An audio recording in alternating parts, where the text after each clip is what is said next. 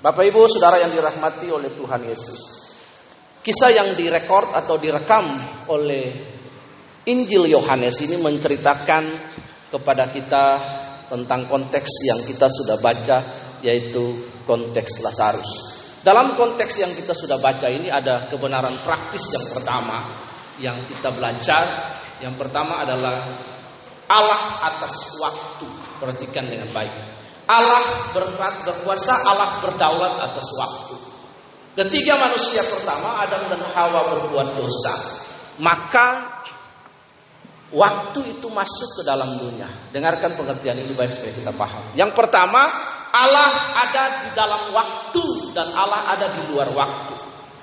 Tagline bagi kita hari ini adalah God is in control. Allah mengendalikan segala sesuatu. Allah ada di dalam waktu dan Allah ada di luar waktu. Allah ada di dalam waktu artinya dengan otoritasnya Allah mengendalikan waktu. Waktu itu tidak tunduk, waktu itu tidak takut kepada Allah. Apa itu waktu? Perhatikan. Yang pertama, waktu itu dikenal hari ini oleh kita. Ada menit, ada jam, ada detik, ada ada day, ada weeks, ada month, ada year, ada centuries, dan yang terakhir yang tidak terbatas waktu itu adalah kekekalan atau eternal. Itu perhatikan dengan baik. Jadi ketika Adam dan Hawa tinggal di Taman Eden, they never know about time. Mereka tidak pernah mengenal tentang waktu. Karena apa? Di sana ada kemuliaan Allah. Bagaikan cahaya yang terang ketika mereka tinggal di Taman Eden. Tetapi ketika mereka jatuh ke dalam dosa itulah maka dimensi waktu, hari, dimensi waktu itu memasuki kehidupan dunia ini. Karena itulah maka Allah ada di dalam waktu untuk mengatur waktu itu. Perhatikan. Allah ada di dalam waktu untuk mengatur waktu. Karena itu dalam konteks yang kita baca ini Bapak Ibu perhatikan ada kalimat yang bagus di situ. Yesus sengaja menunda four days. Bapak Ibu perhatikan. Kalau kita naik pesawat, kita naik pesawat dari satu tempat ke tempat lain, ada sebuah insiden yang sering kita tidak suka, yang sering kita paling jengkel bagi kita ada istilah namanya delay. Bapak Ibu perhatikan. Delay itu adalah penundaan waktu. Adalah penundaan waktu. Kita akan berangkat, kita pasti akan berangkat. Ada dua kemungkinan, beberapa jam lagi, beberapa saat lagi. Tetapi ada juga bahasa yang sering disampaikan oleh para pengelola penerbangan adalah delay sampai waktu yang tidak ditentukan. Allah berdawat atas waktu.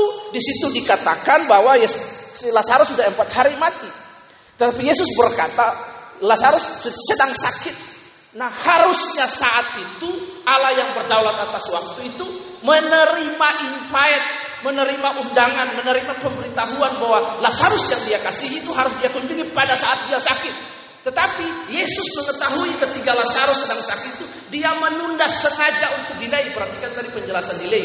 Delay yang Islam maksudkan adalah dia menunda sebentar. Dia menunda sebentar supaya maksud dan tujuan Allah dinyatakan lewat peristiwa ini. Kalau delay yang kita kenal secara umum dalam dunia penerbangan, eh, transportasi udara adalah delay yang pertama akan berangkat jam 5 tapi ditunda jam 7 baru kita berangkat. Itu yang pertama. Yang kedua adalah disampaikan bahwa sampai batas waktu tidak ter, tertentu atau tidak tahu. Nanti tunggu kabar. Nah di tengah-tengah delay itulah dilema terjadi dalam kehidupan manusia. Tapi perhatikan Allah tidak pernah Allah tidak pernah dikontrol, dikendalikan oleh waktu. Itu diperhatikan dulu. Waktu yang pertama, tadi saya sudah jelaskan itu yang disebut hora. Katakan hora. Hora itu menit, detik, menit, jam, hari, minggu, bulan, tahun, abad. Yang terakhir, eternity atau eternal, kekekalan yang saudara dan saya akan ada di sana. Itu waktu yang pertama. Jadi Allah berdaulat atas waktu. Yang kedua, katakan kronos. Kronos Anda perhatikan dengan baik. Kata kronos itu selalu dilekatkan pada hal-hal yang manusia alami yang negatif. Karena itu Anda pernah dengar istilah kronologis atau kronologi. Seringkali kan kita dengar, kita pakai kan. Tapi apakah kita tahu waktu itu adalah waktu manusia? Kronologi itu kronos, waktu di bumi ini. Perhatikan, waktu bagi manusia. Di dalam kronos itu Bapak Ibu, ketika manusia jatuh ke dalam dosa, maka yang namanya sakit penyakit, yang namanya kematian. Kita tidak boleh takut dengan kematian. Kenapa? Karena kematian itu menjadi sesuatu yang pasti, final dari kehidupan. Tidak ada manusia yang tidak akan mati. Bapak Ibu perhatikan. Sebuah realita yang harus kita terima, kita berdamai dengan hidup ini. Harus kita terima bahwa setiap orang akan menempuh fase dia mati. Tetapi yang membuatnya berbeda adalah dia dia berpulang dengan siapa? Itu yang berbeda katakan amin. Bapak Ibu perhatikan konteks yang kita baca ini. Yesus mengetahui lalu mengetahui dia Tuhan yang berdaulat atas detik, menit, jam, waktu, even centuries until eternity. Ya. Lihat di situ sampai kekekalan. Yang kedua, dia mengetahui dalam waktu kronos Waktu kronos atau kronologi itu sering dilekatkan kepada kehidupan manusia dan berdampak negatif. Anda perhatikan orang dibunuh, pembunuhan. Kronologisnya bagaimana? Orang dirampok, kronologisnya bagaimana? Orang sakit, kronologisnya bagaimana? Amin. Semua hal yang negatif pada kehidupan manusia. Lalu waktu yang ketiga itu disebut kairos atau momentum. Katakan kairos. Nah, kairos itu atau momentum itu adalah God's time. Bapak Ibu perhatikan dengan baik. Kata kairos itu artinya kedaulatan Allah, kehendak Allah. The willingness of God dirilis oleh Allah sendiri untuk kehidupan, pemenuhan kehidupan manusia. Itu perhatikan baik. Jadi kata kairos itu adalah pemenuhan kebutuhan manusia menurut waktunya Allah. Artinya the willingness of God. Kalau Allah sudah berkenan, waktunya Allah sudah berkenan untuk memberkati orang itu, untuk menyembuhkan orang itu, untuk memulihkan orang itu, dia tidak terikat kepada kronos, dia tidak terikat kepada jam, menit, waktu, tahun, year. Allah tidak terikat pada waktu. Suka-sukanya dia. Katakan amin. Suka-sukamu Tuhan, suka-sukamu Tuhan, suka-sukamu Tuhan, suka-sukamu Tuhan, suka-suka dia. Nah karena itu, Bapak Ibu dalam konteks ini, yang kita baca ini, yang pertama adalah Yesus mengetahui Lazarus itu sakit. Ada pesan yang dikirim. Jesus has received Message. Pesan yang dibawa oleh kedua perempuan. Bapak Ibu lihat di situ. Ketika Yesus mendengar hal itu, dia berkata ayat 4, penyakit itu tidak akan membawa kematian tetapi akan menyatakan kemuliaan Allah sebab penyakit itu anak Allah akan di dimuliakan di situ. Ayat yang ke-6 Bapak Ibu perhatikan. Namun setelah didengarnya bahwa Lazarus sakit, ia sengaja tinggal dua hari lagi di tempat di mana ia berada. Itu perhatikan. Allah tidak terpengaruh oleh situasi dan kondisi apa pun. Bapak Ibu perhatikan di sini. Yesus tidak terpengaruh oleh kondisi kita. Yesus tidak terpengaruh oleh kondisi kita. Dia dengar. Apakah dia nggak punya belas kasihan? Dia punya belas kasihan. Tetapi yang benar yang harus kita pahami adalah the God's will, kehendak Allah. Suka-sukanya dia. Amin. Yang dituntut dari kita cuma sufficient dan ketaatan. Itu pengertiannya. Kita ini budak loh Bapak Ibu, Saudara hamba Tuhan. Amin. Kita ini budak. Suka-sukanya dia. Dia itu master, dia itu majikan, dia itu tuan. Tugasnya kita cuma dua, submit and obey to him. Jika kita menyenangkan hatinya dia, kairosnya itu akan berlaku bagi kita. Katakan amin. Ya kalau kita tidak menyenangkan dia, kita nggak taat, maka di dalam hari-hari kita, detik, menit, jam, nanti ada hal-hal negatif itu kronologi itu ada dalam hidup kita. Nah, yang dihadapi Lazarus ini kronologisnya. Waktu manusia. Di dalam waktu manusia itu ada air mata, ada penderitaan, ada kesesakan.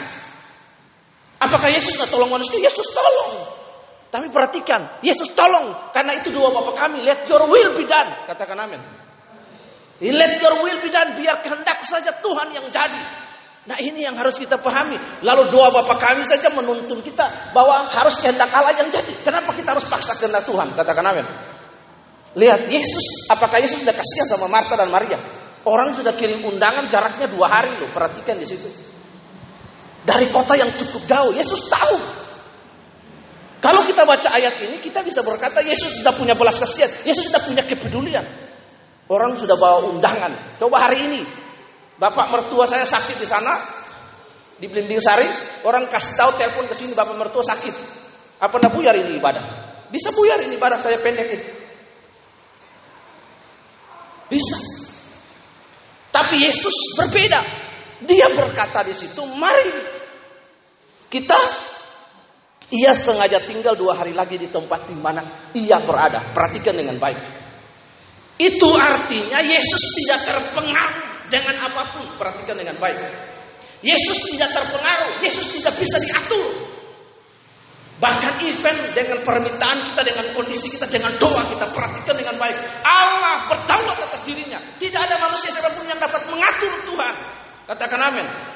Pekerjaan yang benar yang kita harus lakukan cuma satu taatan setia. Tidak ada yang lain. Urusan nanti Tuhan mau tolong, Tuhan itu urusan dia, katakan amin. Ini orang sakit kan? Tuhan sengaja tinggal dua hari. Kalau menurut logika kita, Tuhan seperti apa? Tuhan macam apa? Sengaja orang sakit keras. Jadi Yesus sampai di sana lah, Lazarus sudah dikubur. Karena ada jarak. Ya kan? Yesus ketika berita itu sampai kepada Yesus. Lazarus sedang sakit. Sedang sakit. Berarti Yesus tunggu sampai Lazarus mati dan dikuburkan baru dia ke ke sana supaya genaplah bahwa ayat yang keempat di atas bahwa penyakit itu tidak akan membawa kematian tetapi kemuliaan Allah harus dinyatakan. Katakan amin.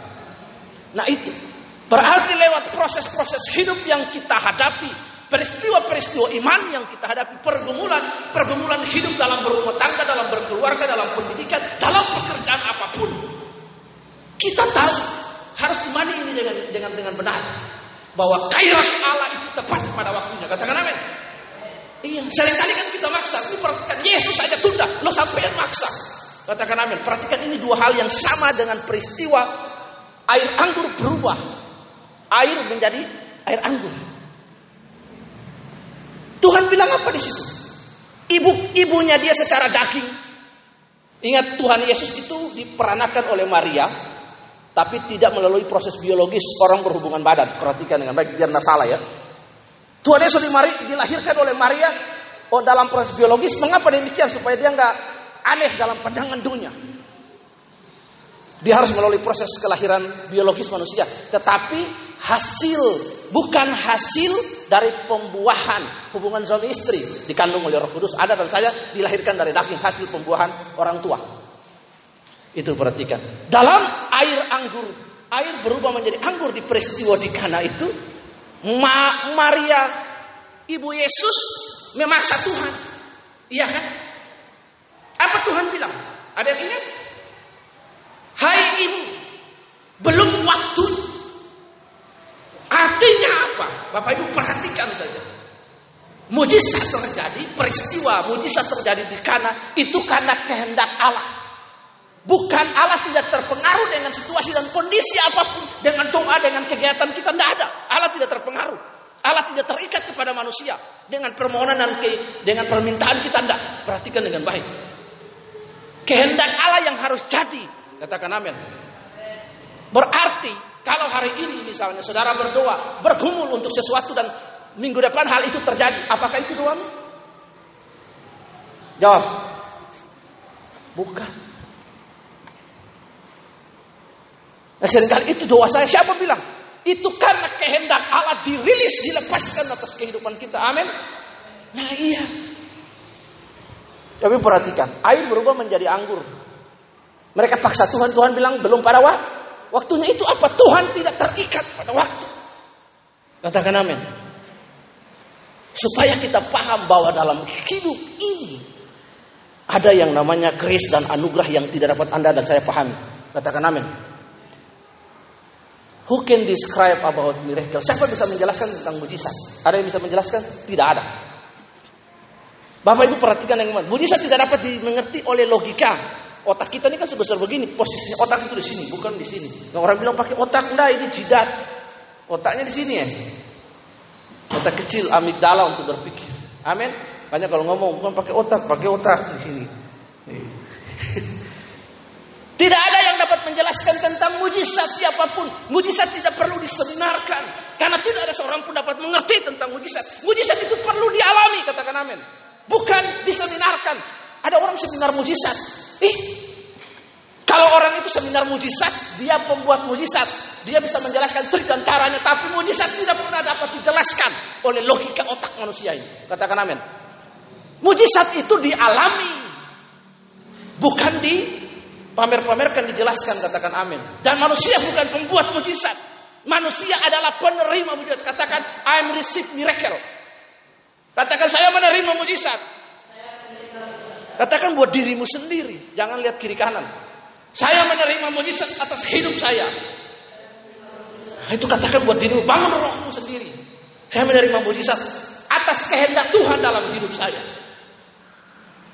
Karena itu kalau saudara dalam peristiwa-peristiwa iman, dalam pergumulan-pergumulan iman. Dan jawaban atas pergumulanmu, pergumulanmu, jawaban atas persoalanmu, jawaban atas penderitaanmu, jawaban atas sakit penyakitmu. Itu terjadi dalam hidupmu.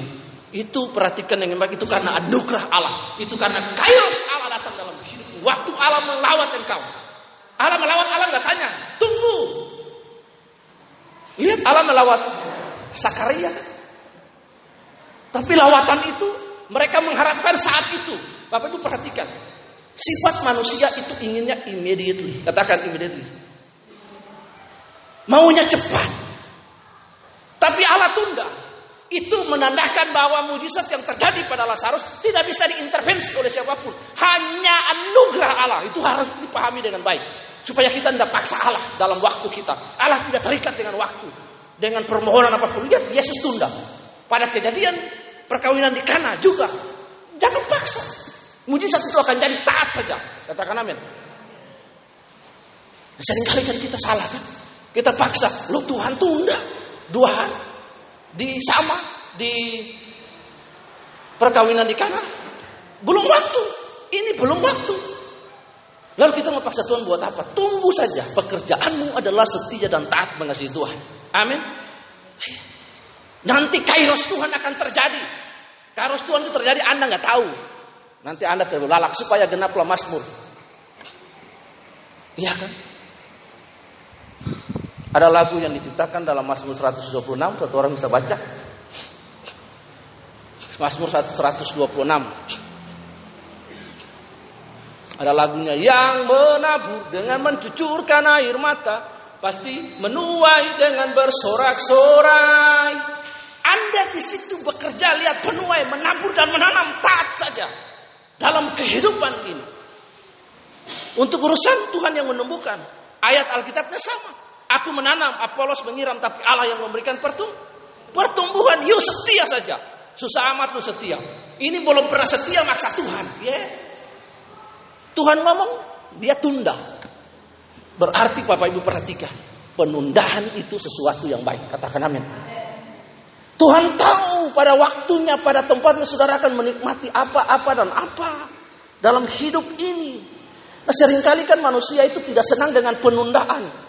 Coba Anda perhatikan, cari di Youtube. Orang cancel pesawat itu orang bisa ngamuk. Lion Air kan sering cancel pesawat. Orang ngamuk loh. Ngamuk karena dia harus berjalan. Seringkali dalam pengertian kita delay itu sesuatu. Sesuatu yang tidak mengenakan. Tapi delay bagi iman Kristen adalah kita sementara menunggu waktu yang terbaik. Anda mau hari ini Tuhan jawab Anda, tapi hal itu tidak menyenangkan, mengenakan itu akan mempengaruhi kehidupanmu. Waktu kairos atau waktu, kronos atau waktu kairos. Segala sesuatu indah pada waktu. Waktunya. Kan indah pada waktunya. Supaya genaplah di situ. Pernyataan ini Bapak Ibu yang dikasih oleh Tuhan. Delay itu bukan sesuatu yang delay bagi Kristen bukan sesuatu yang tidak bukan sesuatu yang salah, apa yang perhatikan. Tapi delay menurut waktu dan kehendak Tuhan, katakan amin. Ya, Tuhan menunda. Tuhan sengaja bukan berarti Tuhan terikat pada waktu, enggak. Dia tidak dikendalikan oleh waktu. Dia tidak diatur oleh waktu. Dia ada dalam waktu. Dia pun ada di luar waktu. Allah tidak terikat. Tetapi kehendak Bapa Kehendak Bapa, biarlah kehendakmu menjadi belum pada waktunya. Waktu Tuhan, waktu yang terbaik. Iya. Waktu Tuhan itu waktu yang terbaik. Bapak Ibu perhatikan di sini. Yang kedua, di situ yang pertama tadi adalah tentang delay Allah tidak terikat oleh waktu. Itu perhatikan Allah berkuasa atas waktu. Yang kedua Bapak Ibu yang dikasihi oleh Tuhan. Ada Yesus, ada hidup. Yang kedua adalah ada Yesus, ada hidup. Ketakutan terbesar kita manusia adalah kita mati Bapak Ibu. Ketakutan terbesar manusia adalah tentang kematian itu sendiri. Tapi kita harus berdamai dengan diri sendiri, menerima kenyataan. Perspektif kita harus benar. Bahwa kematian itu sesuatu yang real. Kapan saja. Di say tomorrow, anytime, we will die. Setiap saat kita dapat mati. Tapi pertanyaannya, apakah kita sudah mempersiapkan diri dengan baik, dengan benar? Yesus berkata dalam Yohanes pasal yang ke-14 ayat yang ke-6, Akulah jalan kebenaran dan kehidupan. Artinya dalam konteks bacaan kita hari ini ada Yesus, ada hidup. Bapak Ibu perhatikan, dalam konteks di sini ada Yesus, ada hidup. Jikalau ada Yesus maka ada kehidupan karena Dia adalah Allah yang berkuasa atas kematian, berkuasa atas kehidupan. Berarti implikasinya bagi iman Kristen saudara dan saya ada Yesus, ada hidup, ada hidup, tidak ada Yesus, tidak ada hidup Bapak Ibu. Bapak Ibu perhatikan pengertian hidup yang benar di sini yang pertama hidup secara jasmani kita ini kita lagi menyelenggarakan hidup kita hidup dalam raga dalam tubuh ini ada tubuh ada jiwa ada roh. Tapi hidup yang berikut adalah hidup yang disebut soe katakan soe soe artinya saudara tetap hidup bekerja seperti biasa. Tetapi ada Christ ada Yesus dalam hidupmu. Yang hidup yang kedua yang disebut bios. Anda makan Anda bekerja Anda minum lalu beranak pinak seperti biasa, lalu berputar lagi Anda punya anak, Anda sekolahkan anak-anak, anak Anda kuliah, anak Anda bekerja, Anda tua renta, keriput, lalu setelah itu Anda mati. Anak Anda berputar, siklusnya berputar. Tapi there's no God in your life. Tidak ada Tuhan di dalamnya. Yang benar adalah selama kita hidup menumpang di bumi ini, ingat dengan baik, ada Yesus, ada hidup. Katakan amin. Itu berbicara tentang apa? Berbicara tentang depending kita kepada Allah. Karena saya selalu punya kalimat yang paling bagus yang sering saya ucapkan. Without God in our life, we are nothing. Tanpa Allah dalam hidup saya kita bukan siapa-siapa dan bukan apa-apa. Karena itu Bapak Ibu dalam konteks hari ini Yesus adalah sumber kehidupan. Ketika Yesus berkata, Yesus berkata di situ adalah bahwa Lazarus keluar.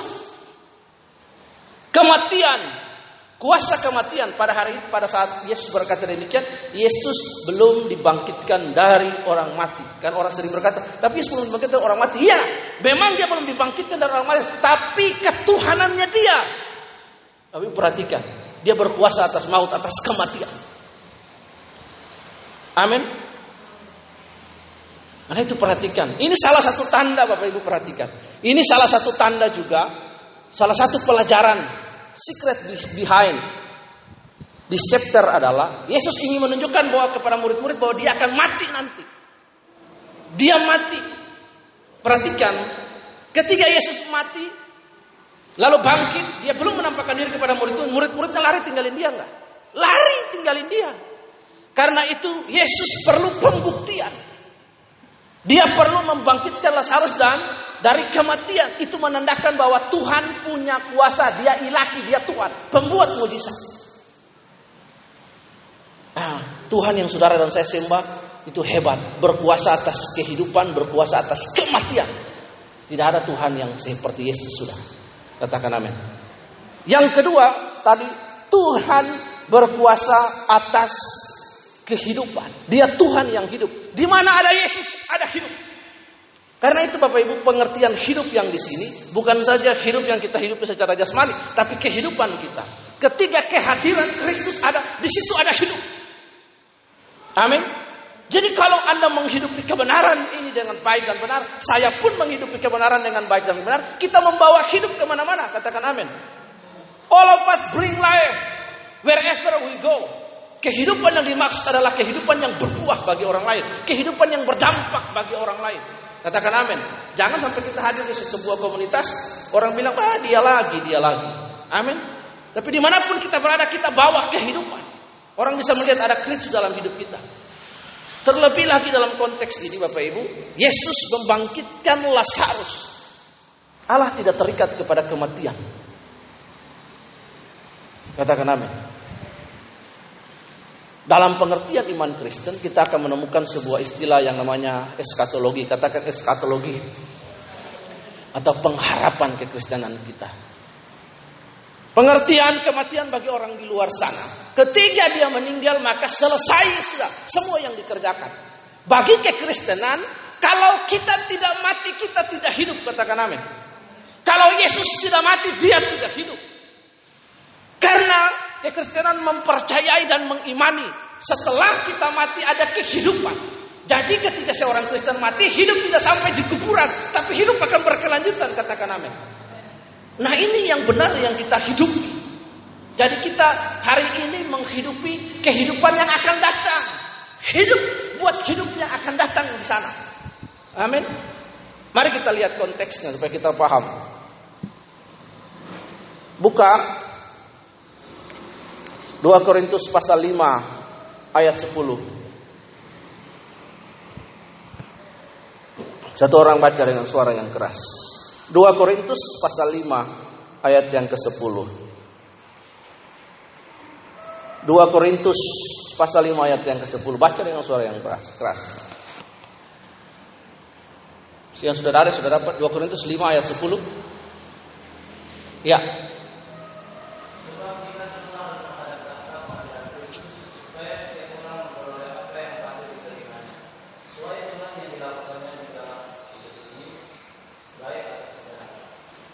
Ibu perhatikan. Ini kasih tahu ya, supaya kita nggak latah. Seringkali kan pendeta dari mimbar untuk me menghibur hati jemaat tapi sebenarnya menipu. Harus kita katakan kebenaran. Tapi perhatikan, setiap orang Kristen yang mati tidak langsung dia masuk di surga. Tapi harus melalui proses diadili, diadili dulu. Amin. Dia harus melalui proses pengadilan anak domba. Baru setelah itu Tuhan berkata sabarlah hai hamba kepada aku berkenan. Jadi bukan langsung hari ini dia meninggal dia masuk surga enggak. Kalau masuk surga ayat itu coret dalam kitab batal. Setiap orang akan menghadapi pengadilan Kristus. Kristus dihakimi berdasarkan perbuatan kita ada pengadilan namanya pengadilan anak domba. Allah membuka. Udah baru. Karena itu tadi saya bilang kita hidup hari ini buat hidup kita yang akan datang. Amin. Nah ini kita perhatikan Bapak Ibu. Ada banyak orang mendandani hidupnya dengan sedemikian rupa. Sedemikian rupa mendandani hidupnya. Dengan hal-hal yang bios, yang bersifat biologis. Tapi apakah dia mendandani hidupnya bagi Tuhan? Perhatikan dengan baik. Kekristenan mengenal namanya pengharapan di akhir dari hidup disebut eskatologi bahwa nanti kita mati kita akan diadili lalu bersama-sama dengan Bapa di surga. Jadi bukan langsung kita mati, lalu otomatis langsung kita nak masuk surga. Ada fase. Itu yang tadi kita baca ayatnya. Bapak Ibu perhatikan. Mari kita kembali lagi lihat Lazarus. Tuhan menggunakan sebuah kalimat pada ayat yang ke-11. Lazarus saudara kita telah tertidur tetapi aku pergi ke sana untuk membangkitkannya. Ini kalimat yang sebenarnya bagus Dosa membuat kematian entrance the world. Dosa membuat kematian itu memasuki dunia. Tetapi Allah menjanjikan surga bagi saudara dan saya. Aku pergi kepada Bapa dan menyediakan tempat bagi kamu sebab di rumah Bapakku banyak tempat. Pertanyaannya apakah kita siap untuk tempat itu? Prepare your own self karena itu hiduplah hari ini buat hidupmu dia akan datang. Katakan amin. Karena ayat ini digenapi. Bapak Ibu perhatikan di situ. Yesus menggunakan kalimat kata tidur. Aku akan membangunkan dia dari tidurnya. Karena kenapa Yesus tidak menggunakan kata kematian? Karena dia berkuasa atas kematian dan kematian itu sesuatu yang negatif. Kematian yang paling banyak menguras air mata, kalau perhatikan. Sebagai bagian dari penderitaan. Kita telah hidup dalam dunia yang berdosa. Jangan mengharapkan sesuatu yang di dunia ini. Kami perhatikan dengan baik. Jangan mengharapkan sesuatu di dunia ini. Nikmatilah hari hidupmu dengan Tuhan. Boleh kita nikmati hari-hari hidup kita dengan Tuhan. Tapi jangan pernah nikmati sesuatu di dunia ini. Sebab pertama Yohanes pasal 2 ayat 15 sampai 17, dunia ini sedang berubah. Tetapi orang yang mengasihi Allah akan hidup selamanya. Kita tinggal di dunia, tapi kita tidak boleh cinta dunia. Katakan amin. Perhatikan pengertian ini dengan baik supaya kita paham Bapak Ibu. Dalam Matius pasal 4 itu di situ Tuhan datang. Ayat ini sudah dipakai di, diuji coba dan banyak orang gagal memahami ayat ini. Yang di Facebook itu kan tulis kalau engkau menyembah aku, maka aku akan berikan kepadamu segala yang kamu ingin kehendaki. Orang berkata haleluya amin padahal mereka nggak baca ayat itu dalam Matius. Enggak.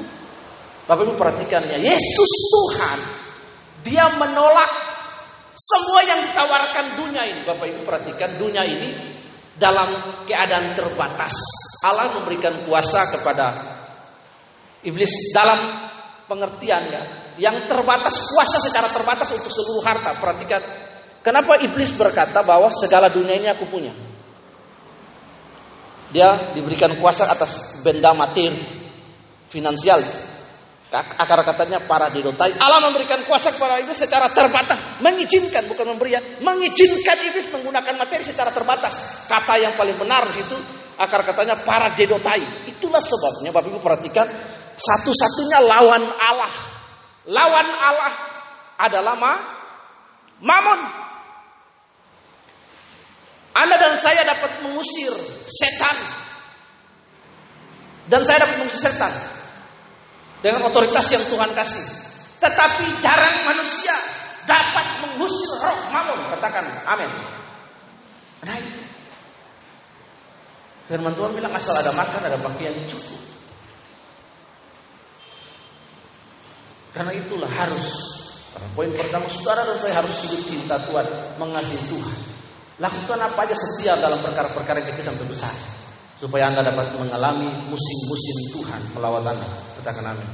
Sekalipun ada delay. Hari ini kan lihat banyak orang dengan bersungut karena corona. Corona mau jadi ya dalam seizinnya Allah. Kembali ke Matius tadi. Ditawarkan seluruh kekayaan. Apa yang terjadi? Yesus tolak. Yesus tolak. Yesus menolak segala kejayaan, segala kekayaan, segala kegemilangan yang ditawarkan dia tawarkan itu kepada Tuhan, tapi dia tidak tahu Tuhan yang memberikan, mengizinkan dia mengelola materi dunia dan segala isinya ini dengan kuasa terbatas. Setan pun dapat melakukan hal yang sama. Itu disebut paradidotai, Bapak Ibu perhatikan. Salah satu lawan Allah yang sering disandingkan untuk melawan Allah cuma satu, mamon, tidak ada yang lain. Bapak Ibu perhatikan, cinta uang, dunia dan segala isinya ini. Nah, Kata karena itu Tuhan berkata di mana hatimu berada, di situ di mana hartamu berada, di situ hatimu berada.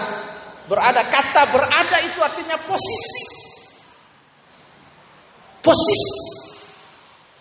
Who is your, your heart? Siapa di hatimu? Siapa Tuhanmu? Siapa yang lebih kau dengar? Harta kah? Tuhan Yesus kah? Nah. Amin. Baik perhatikan. Ditawarkan. Tapi Tuhan tolak. Supaya Anda dan saya harus paham dan mengerti bahwa kita hidup by grace, day by day by grace, by His kindness, His mercy, katakan amin. Supaya Anda dan saya mengerti bahwa setiap hari kita hidup dari anugerah, setiap hari saya hidup dari anugerah. Pemeliharaan Allah jauh melampaui apa yang kita pikirkan. Katakan amin. Musim-musim Allah membawa kita hari ini kita padang gurun, besok kita padang rumput. Dua hal itu sih. Padang gurun dan padang rumput. Hari ini kita padang gurun. Ya, tanggal 20 ke atas mama padang gurun. Iya, marah-marah, jengkel-jengkel. Iya kan? Tanggal 1 ke bawah Ya, tante ini datang bawa mobil suka cita, tapi kalau datang muka murung wah masih kronos. tapi kalau datang muka sudah ceria, mi halo bawa pesek, wah ini kairos ini. Tuhan melawat. Nah, seperti itu. Amin. Mari kita perhatikan dengan baik Bapak Ibu. Yang pertama tadi Tuhan berkuasa atas waktu. Delaynya kadang-kadang dalam hidup kita untuk kebaikan kita. Supaya genap. Kenapa Tuhan menunda hal ini? Anda baca dalam Roma 8 ayat 28. Supaya Tuhan bekerja dalam segala hal untuk mendatangkan kebaikan bagi kita. Dalam segala hal apakah penundaannya itu baik-baik. Supaya orang dapat melihat mujizat, orang dapat percaya kepada Allah. Katakan amin. Anda mau menyelesaikan masalah Anda dengan cara Anda atau mujizat? Semua kita mengharapkan muji, mujizat. Jadi kalau ada penundaan dalam hidupmu, mari kita sabar. Waktu Tuhan, waktu yang terbaik. Katakan amin. Yang kedua, Tuhan adalah Allah atas kehidupan. Ada Yesus, ada hidup. Ada Yesus, ada hidup. Ini hal yang penting sekali bagi kita. Kematian tidak dapat mengikat. Kematian takluk dan tunduk kepada Tuhan Yesus. Kalau kita tidak punya hal apa pun, yang penting kita punya Yesus, berarti kita punya hidup. Katakan amin. Bapak Ibu perhatikan. Kalau kita tidak punya apa pun, tapi kalau kita punya Yesus, maka kita hidup. Kebebasan dan kemerdekaan dari kutuk dosa, upah dosa adalah maut yang membebaskan Anda dan saya dari keterikatan. Itu sudah lebih dari hidup. Katakan amin. Karena itu mari kita bersyukur. Filipi 4 ayat 19 berkata bahwa Allah akan mencukupkan segala keperluan kita menurut kekayaan dan kemuliaannya. Amin. Nah, itu dia. Allah itu grand designer. Anda perhatikan ayat ini dengan baik. Yohanes Mazmur 139 ayat 14. Kejadianku dahsyat dan ajaib. Anda dijadikan dirancang dengan ajaib, Anda lahir dengan ajaib, Anda menjalani hari-hari hidup Anda dengan ajaib, berkeluarga dengan penuh keajaiban sampai Anda pulang dengan keajaiban. Amin. Keajaiban mengikuti seluruh hidup kita karena desain Allah dalam hidup kita. Katakan amin. Iya. Anda kejadianku dahsyat dan ajaib, lahir saja sudah ajaib. Amin. Nah sering kali kan orang aduh saya begini, saya kasihan. Saya tidak pernah membayangkan saya hidup. Saya bilang Tuhan hidup saya ajaib. Saya dilahirkan dengan ajaib. Karena itu mari kita bermimpi hal-hal yang ajaib. Amin. Katakan Tuhan, orang saya lahir Alkitab bilang kan kejadianku dasar tanah ajaib. Karena itu bilang Tuhan saya lahir dengan ajaib. Saya harus hidup juga dengan ajaib. Keluarga saya harus ajaib. Maksudnya pertolongan-pertolongan hal-hal yang luar biasa dalam hidup. Mimpikan hal-hal luar biasa dalam hidup. Gila sama Tuhan tidak apa-apa, jangan gila sama orang. Katakan amin. Bagaimana kita dapat menyaksikan Allah yang besar itu tidak saja di otak kita, dalam pengertian kita, tapi dalam hidup juga amin. Allah yang besar itu harus dialami, Allah yang hidup, Allah yang berkuasa sewaktu itu harus dialami, bukan saja di sini. Mengerti di sini tapi alami dalam peristiwa hidup hari-hari, katakan amin. Yang terakhir, Bapak Ibu. Setelah Lazarus bangkit dari kubur ayat 43. Poin terakhir. Dan sesudah berkata demikian berserulah ia dengan suara keras. Lazarus marilah keluar. Orang yang telah mati itu datang keluar. Kaki dan tangannya masih terikat dengan kain kapan dan mukanya tertutup dengan kain puluh. Kata Yesus kepadanya, mereka bukalah kain itu. Bukalah kain-kain itu dan biarkan ia pergi. Tadi bangkit dipanggil dia sudah bangkit. Dia sudah bangkit dari kematian. Yang terakhir adalah meresponi perkataan Yesus keluar. Bukan bangkit lalu diam di tempat, hidup lalu diam di tempat, tapi bergerak keluar. Amin. Alkitab menggunakan kata keluar sama dengan bertolak dalam ketika Yesus suruh murid-murid dia berkata mari kita bertolak ke seberang dia sejajar maknanya dengan kata keluar kata keluar itu berarti tidak tinggal tempat bergerak Abraham Bapak Ibu perhatikan ketika dipanggil digunakan kata lalu keluarlah Abraham dari Urkas Urkasti artinya apa ketika engkau dipanggil oleh Allah keluar saya sering bentrok dengan ini ibu satu di depan. Kalau Tuhan sudah suruh saya kirim uang ke orang, saya kirim. Pernah saya kirim. Tuhan suruh kirim untuk sampai satu juta itu ke Aceh sana. Orangnya kasih akan cuma di Facebook.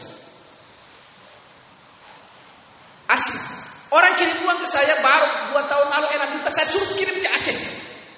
Asli itu bertengkar bertengkar keras, tapi saya pergi nginap di Sari sana. Tapi saya taat loh. Saya taat.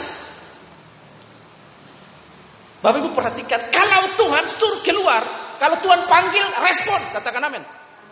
Nah, kalau Tuhan suruh panggil, Tuhan bilang harus keluar. Tuhan bilang dalam hatimu, lakukan. Dia sudah hidup, tapi dia dipanggil oleh Yesus keluar. Dia mendengar dan dia meresponi dan dia bertindak. Kita tidak saja dibangkitkan hidup, tapi Tuhan panggil kita. Nah sering kali ini berbicara tentang hati nurani Bapak Ibu. Kalau Tuhan taruh hati nurani dalam hidup kita. Bapak Ibu perhatikan, saya orang manusia yang paling benci sekali dengan pelit. Jangan pelit dengan saya. Soal makan, soal apa pun. Saya benci sekali. Karena saya susah. Makanya saya kalau pergi ke mana-mana, saya ketemu orang-orang baik-baik. Bapak Ibu perhatikan. Tuhan menentang orang kikir karena di dalam Filipi dalam Yakobus pasal 1 ayat 17 Tuhan berkata, semua anugerah dan pemberian yang terbaik itu datang daripada Tuhan. Tuhan itu free giver, murah hati. Hanya dua hal yang dituntut, Bapak Ibu perhatikan. Yang pertama, hendaklah engkau murah hati sama seperti Bapamu di surga. Itu perintah. Karena apa? Tuhan tidak mengingkari dirinya, dia tidak pelit, tidak medit ya. Orang bilang medit.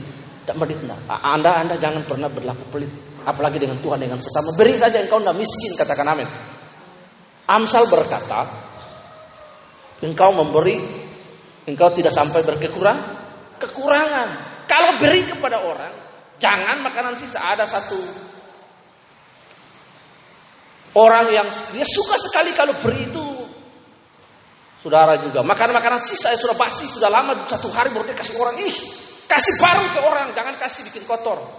Mulut orang mulut dikotor orang perut. Amin. Ini simpan dulu makan sampai sudah lama, dulu satu dua hari baru kasih ke orang. Ya Tuhan. Itu tidak boleh. Iya.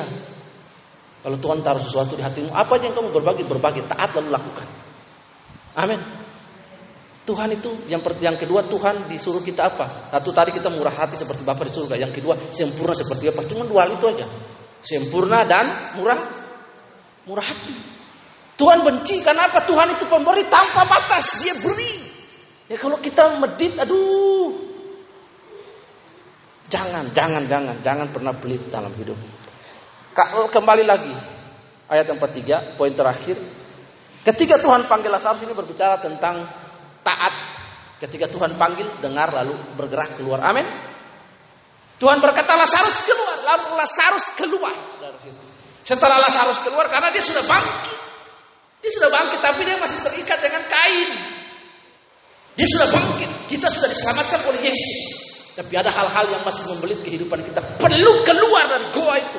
Supaya kain kafan itu dibuka. Lalu jadi orang yang merdeka. Karena itu ketaatan kepada panggilan Tuhan itu sering kali membebaskan kita dari belenggu keterikatan. Amin. Iya. Kalau roh kudus taruh sesuatu untuk kau lakukan. Jangan lama-lama. Lakukan. Saya kalau saya sudah mau beri tapi lama saya gelisah sekali. Harus.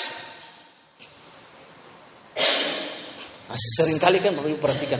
Sering kali kan apalagi dalam rumah tangga rumah tangga, dalam orang berinteraksi sosial, orang sering kali saya paling manusia yang paling benci ribut dan bertengkar soal makanan karena makanan itu masuk di mulut lalu jadi tai. Anda jangan pernah bertengkar soal makanan. Saya benci sekali itu. Karena orang makan itu lalu dia masuk di toilet kan, amin. Ya. Kalau mau beri beri saja, jangan hitung-hitung. Apalagi soal makanan. Nah, kita, oh saya, wah, saya kasih makan dia begini, waduh jangan. Makanan itu seorang lain juga bisa lakukan karena dia masuk di perut jadi tai jadi jamban. Itu tidak berarti. Katakan amin. Itu perhatikan. Jadi yang Anda lakukan haruslah di situ meresponi panggilan Yesus keluar.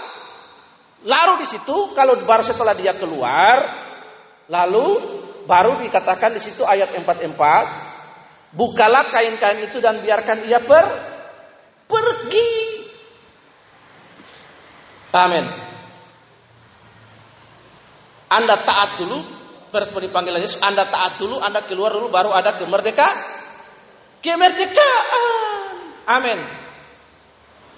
Sekarang saya kasih HP kepada Levi. Levi ini HP. Saya berikan kepada kamu. Bagaimana Levi untuk mendapatkan HP? Lari dari tempat itu ke sini dan ambil ini HP. Amin. Waktu kita merespon, meresponi Tuhan panggil kita. Yang berbeban, berbeban berat, Tuhan bilang apa? Yang ber, berbeban berat. Amin. Datanglah kepadaku, aku akan memberi kelega, kelegaan. Dengarkan panggilannya. Amin. Adan kalau nama namaku dipanggil ku ada itu kalau nggak salah ada lagu. Oh ya, kalau namaku dipanggil ku ada dipanggil ya. Dulu saya kecil-kecil sama adik-adik bapak saya itu punya panggilan khusus buat kami. Dia sudah yang suka gini. Dia sudah berdiri di atas teras keluarga lihat di sebelah itu di SMP SD dia sudah langsung gini besar sekali. Langsung Dengar di bawah sana langsung kita sudah stop lari naik. Itu panggilan khusus. Nah kalau Tuhan panggil kita juga, Tuhan panggil juga kita harus dengar.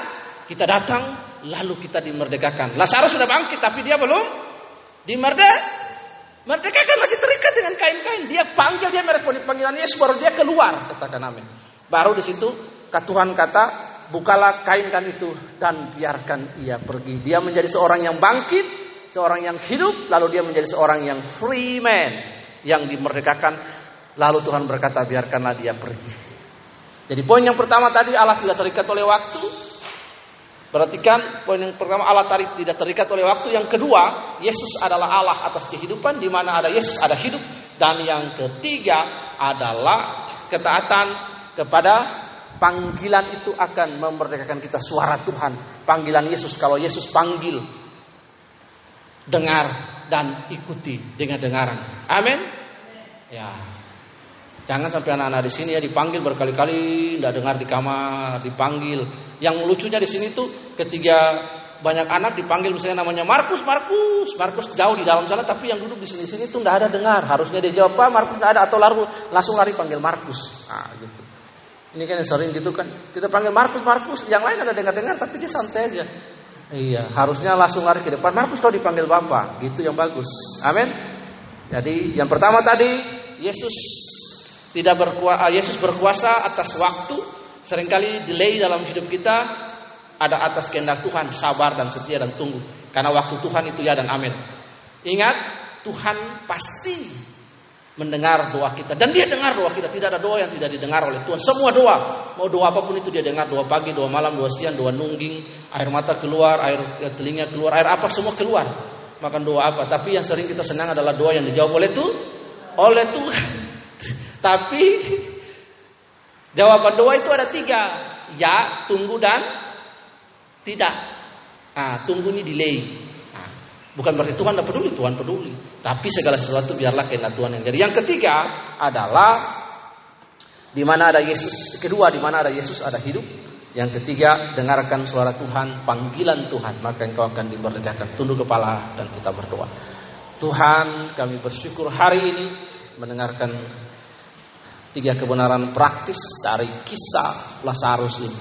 Menginspirasi, menolong kami untuk bisa menerima kenyataan bahwa kematian adalah bagian dari kehidupan. Kami harus berdamai. Tetapi caranya adalah bahwa Yesus dalam hidup kami. Sehingga kematian itu tidak berkuasa atas hidup kami karena kematian tidak saja sebatas fisik tapi kekekalan. Bapak, kami tahu bahwa Engkau berkuasa atas waktu-waktu hidup kami. Semua kami merindukan kelepasan, merindukan mujizat, pertolongan, keberkatan dalam hidup ini. Nah sering kali kalau kami mengalami delay Tuhan, ajar kami untuk percaya dan mengingat merenung kembali lagi tentang kisah Lazarus, bahkan kisah tentang air menjadi anggur. Kami sering kali cepat ingin segala sesuatu secara instan terjadi dalam hidup kami. Ketika dalam peristiwa-peristiwa iman dan pergumulan ada kebutuhan-kebutuhan mendesak, ada keinginan kami, ajar kami untuk selalu mengingat dua kisah ini bahwa Allah sering kali menundanya supaya firman Tuhan dalam Roma 8:28 yang berkata Tuhan Allah Tuhan bekerja dalam segala hal untuk mendatangkan atas kebaikan kita. Dengan demikian maka kami percaya kairos Tuhan atas hari-hari hidup kami, pergumulan kami, pekerjaan kami, pendidikan anak kami, segala keruwetan apa pun dalam rumah tangga kami ketika kairos Tuhan terjadi, semua indah pada waktunya. Ajar kami untuk selalu datang kepada Engkau dan mempercayai hal ini. Yang kedua adalah Tuhan dalam hari-hari hidup kami sering kali kami lupa Kami mau seperti kisah Lazarus bahwa ada Yesus, ada hidup. Tuhan, di mana pun kami tinggal, di tempat terpencil, di gunung, di lembah, daerah yang tersulit, mungkin tempat usaha kami di pojok dan apa pun. Tapi kalau ada Allah, ada hidup. Di mana pun kami tinggal Tuhan, ada hidup. Terima kasih Tuhan, Ishak tinggal di tanah Kanaan. Dan daerah itu Tuhan ada musim kelaparan. Namun ada Allah, ada hidup. Ada Allah dalam kehidupan Ishak. Dia menabur di tengah-tengah season yang tidak memungkinkan, yang tidak menjanjikan. Karena ada Allah, maka Allah memberkati hidupnya. Kami percaya kami hidup di kota yang kecil, situasi COVID. Kami mempercayai bahwa spiritual reven, burung-burung gagak rohani itu akan Tuhan kirim dalam hari-hari hidup kami untuk memelihara kami memberikan roti pada waktu pagi dan daging pada waktu petang dan minum air dari sungai Kerit. Akan ada Tuhan burung gagak-burung gagak yang Tuhan siapkan. Artinya bahwa masa-masa kami hidup melewati musim-musim Tuhan ada di padang gurun. Tuhan membawa kami di padang gurun pun Tuhan menyiapkan mata air dan pohon korma bahkan air yang manis. Kami percaya itu Tuhan. Kami juga mempercayai Tuhan bahwa ketika Tuhan Engkau memanggil, menghidupkan kami, membangkitkan Lazarus dan engkau memanggil Lazarus berbicara tentang ketaatan, mendengarkan suara Tuhan, lalu mentaati, berjalan dan keluar. Maka kami akan menjadi orang-orang yang merdeka, merdeka untuk mentaati suara Tuhan, mendengar suara Tuhan, dan menjadi orang-orang merdeka di dalam hidup ini. Tuhan tolong kami. Segala pergumulan-pergumulan kami, Tuhan mungkin ada delay, mungkin kami ragu, mungkin kami kecewa, ampuni kami Tuhan. Tapi hari ini ketika kami mendengarkan firman ini, Seringkali Tuhan menunda untuk kebaikan kami. Ajar kami untuk melihat. Sama seperti Mazmur 126 yang berkata bahwa orang yang mendabur dengan mencucukkan air mata taat dan setia. Maka dia akan menabur dengan bersorak-sorai seperti orang yang bersukaria karena turun musim hujan di tanah Negev. Ajar kami Tuhan, semua kami. Semua kami rindu untuk tidak saja memahami Allah dengan pikiran pengetahuan kami. Tapi kami rindu memahami Allah yang hidup, yang real dalam hari-hari hidup kami. Kairosmu berlaku atas hidup kami. Karena kami percaya Tuhan akan membuat perbedaan antara orang yang beribadah dan orang yang tidak beribadah. Orang yang takut Tuhan dan tidak takut Tuhan. Kami mau ada di antara menjadi bagian orang yang beribadah dan orang yang takut Tuhan. Terima kasih dalam pergumulan-pergumulan hidup kami dijawab oleh Tuhan. Hamba berdoa biarlah kairos Allah, waktu Allah, perkenanan Allah, pemenuhan kebutuhan-kebutuhan seluruh jemaatmu yang hadir hari ini satu persatu. Rumah tangga, pekerjaan, pendidikan anak-anak mereka, usaha dan bisnis mereka. Tuhan, kairos Allah, waktu Allah. Sekalipun kami hidup di waktu di saat ini Tuhan hora menit detik dan jam kami tidak akan Tuhan masuk dan ada dalam waktu kronologis yang negatif. Akan ada duka dan air mata. Karena kami tahu bahwa di mana ada Allah ada hidup di situ. Air mata yang kau hapuskan Tuhan yang kau berikan jaminan bagi kami di dalam nama Tuhan Yesus kami pulang dengan membawa pengharapan melebihi berkat apa pun bahwa kami tahu Allah Tuhan berkuasa atas waktu di mana ada Yesus ada hidup dan ketika kami dipanggil keluar kami taat kami menjadi orang-orang yang merdeka di dalam nama Yesus kami sudah berdoa dan kami bersyukur atas kebenaran firman di hari ini. Jemaat Tuhan dengar baik. Berbahagialah setiap kita yang mendengarkan kebenaran firman Tuhan ini. Dan melakukannya dalam sehari-hari kita hidup. Tuhan berkata ketika badai, pergumulan-pergumulan datang, Tuhan banjir melanda kehidupan kita. Pasti ada selalu peristiwa-peristiwa. Tetapi kita kokoh karena Yesuslah dasar hidup kita. Di dalam nama Yesus segala puji dan segala hormat kepada engkau. Engkau yang punya kerajaan bukan kami yang punya kerajaan. Karena itu pergilah kerajaan kami, datanglah kerajaanmu supaya engkau berdaulat atas hidup kami di dalam nama Tuhan Yesus. Kami sudah berdoa dan mengucap syukur. Haleluya. Haleluya. Amin.